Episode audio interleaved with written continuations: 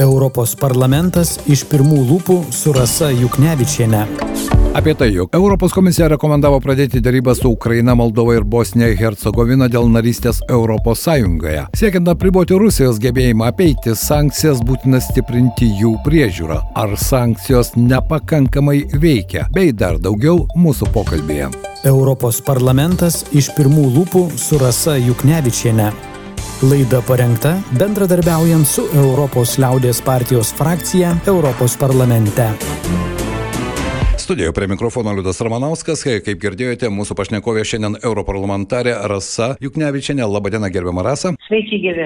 Kaip įprasta, ketvirtadienį keliaujate iš Europos parlamento sesijos. Šis ketvirtadienis buvo toks ypatingas, taip galima sakyti, ypatingai Moldovos, Ukrainos žmonėms, na ir Bosnijos Hercegovinos. Europos komisija rekomendavo vis dėlto pradėti darybą su šiomis šalimis. Kaip jūs vertinate šį žingsnį? Nebejoju, jog Ukrainoje jo laukia daug kas ir ne tik Ukrainoje. Koks koks jūsų vertinimas? Na, tikėtas, tikėtas sprendimas. Labai dėl to daug visi dirbom, daug buvo uh, darbo tokio užkulisinio, jeigu taip galima pasakyti. Europos parlamentas nekarta yra prieėmęs ne vieną rezoliuciją, o tai yra parlamento nuomonė uh, ir rekomendacijos taip pat Europos komisijai ir, ir, ir visai Europos Sąjungai. Kaip tik Europos parlamentas buvo tas pirmas, ta pirmoji institucija, kuri taip pat po karo praeitų metų kovo mėnesį mėnesį e, susirinko į neįlinę sesiją Ir vienas iš svarbiausių žingsnių buvo tuomet e, sutartas tarp pagrindinių bent jau penkių politinių grupių. E, tai būtent pasiūlyti kandidatės statusą e,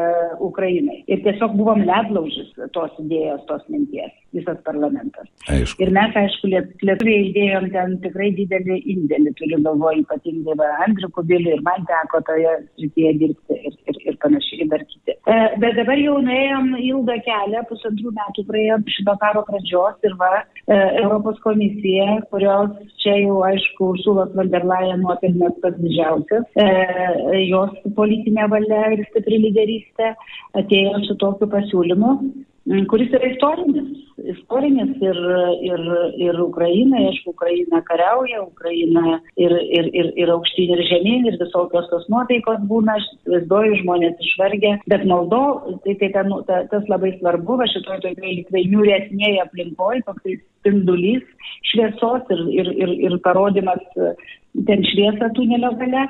E, bet ir Moldovai taip pat labai svarbu. E, labai svarbu yra ir vakarų Balkanam e, žinia.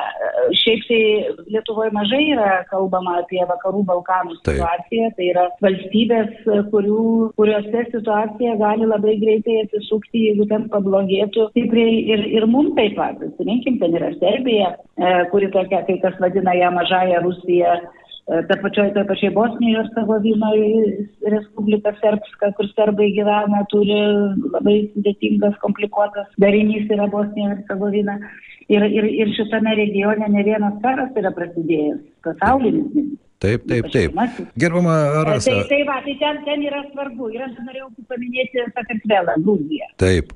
Kuriai buvo, kurie atsilieka dėja, šalis, kuris Sakašvilio laikais buvo pirmaujanti reformų ir vakarietiško kelio kryptimi, o dabar prie šitos valdžios, to oligarko Bidino Ivanišvili kontroliuojamos valdžios, jie atsiliko, bet iššoko dar į tą važiuojantį traukinį ir, ir jiem e, e, yra suteiktas kandidatės statusas. Su tam tikrom išlygom, aišku, bet yra suteiktas kandidatės statusas. Tai čia yra žinia, e, gera žinia Sakartvelo žmonėms visų pirma, nes jie labai nori narystės ne tiek valdžia ir žinoma ženklas Rusijai, kad jūs žiūrėkit, jūs čia ne, ne, ne, negalvokit, kad Sakartvelas jau yra jūsų paimta, paimta užvaldyta teritorija.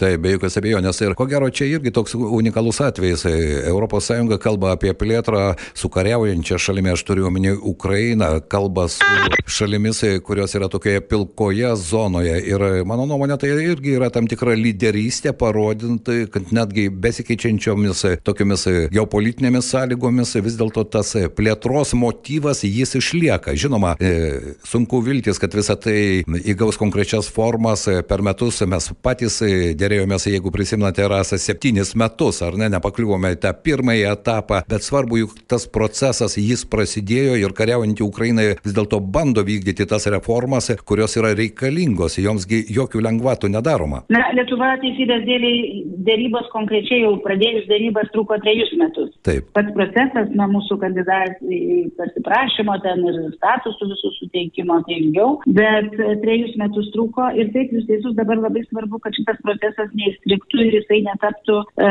nu, ne, ne, ne, nebūtų nesėkmė, nesibaigtų nesėkmė. Bet pirmiausia, du dalykus noriu pasakyti. Taip, iš tikrųjų, jūs labai teisingai pastebėjote, Europos lyderystė šiuo atveju turbūt daugelis stebina. ES lyderystė. Nes visi buvome įpratę, kad, žinot, lyg ir Amerika eina priekį su visais procesais, ir NATO, pavyzdžiui, plėtra, tai NATO atrodė, Amerika atrodė tas lyderis, kuris eina priekyje ir tada jau farvaterėje jo plaukia ir, ir Europą. Tai buvo nuo antro pasaulinio karo pabaigos. Ir čia šį kartą vyksta procesai, kurie yra labai svarbus. Aš nenoriu numenkinti Amerikos valstybių, jos buvo ir bus labai svarbios. Ir čia kaip tik šio, šiuo metu reikia kiek galima daugiau strateginio bendradarbiavimo tarp ES ir JAV. Tačiau Europa irgi rodo lyderystę Ir, ir šitas e, sprendimas yra kaip tik apie tai. E, tai taip, šitas procesas yra geopolitinis. Taip, taip, taip, mes girdime jūsų gerbiamą rasą. Šitas procesas yra daugiau, daugiau geopolitinis ir labai geopolitinis.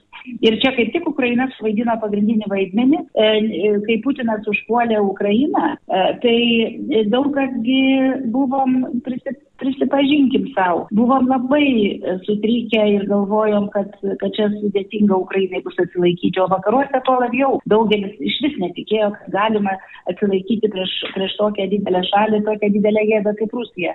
Bet Ukraina atsilaikė ir kai Ukraina atsilaikė ties Kievu, va tada ir prasidėjo tas lūžis pagrindinis. Taip. Pagrindinė, pagrindinė, tai ką mes dabar turim čia ir Balkanai turėtų dėkoti Ukrainai, nors kartais iš jų politikų iš jų žmonių pasigirsta tokių keistų keistų burbėjimų, kad va žiūrėkit dabar visas dėmesys Ukrainai, o mus čia visi užmirštai atvirkščiai. Ukraina jūs, jūs atvedė šiandien į, šitą, į šitos ES sprendimus ir stagnacija galbūt baigs. Taip, bet e, kalbant apie Ukrainą, negalim nekalbėti apie Rusiją, jos gebėjimą, jie patys jau atvirai deklaruoja, kad jie geba apeiti ES sankcijas ir nebejoju, kad parlamente apie tai irgi diskutuojama ir diskutuojama nemažai. Mes turime konkrečių pavyzdžių ir štai Lietuvoje ir šią savaitę LT Cargo pareiškė, kad jie jau nuo gruodžio pirmos nebeleis vežti prabangių automobilių, bet juk ne tik automobiliai. Tai štai, gerbama rasa, vis dėlto kaip siekiant apriboti tą Rusijos gebėjimą apeidinėti sankcijas, kokie keliai gali būti ir ar apie tai diskutuojama Europos parlamente?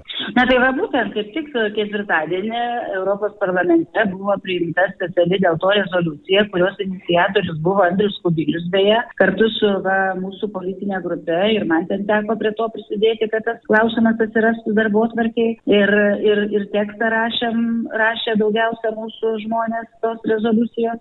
Ir ten įdėta daug svarbių dalykų yra, kaip tik iš to susirūpinimo ir ženkliai yra signalas ir, ir nurodymai tam tikri rekomendacijos ir Europos komisijai susijimti ir šalims narėms susijimti dėl, dėl sankcijų. Tai ten buvo išnagrinėta šitame dokumente ir tai, ko dar trūksta ir tai, kad, aišku, sankcijos veikia ir čia nereikia pasiduoti e, tai propagandai Rusijos, kurie sako, kad ai, čia sankcijos neveikia, čia tai mes kenčiam, o pati Rusija nekenčia. Ne, netiesa, čia yra neteisybė. E, sankcijos veikia, tik tai reikia, kad jos iš tikrųjų iš esmės veiktų ir dar reiktų jas sustiprinti.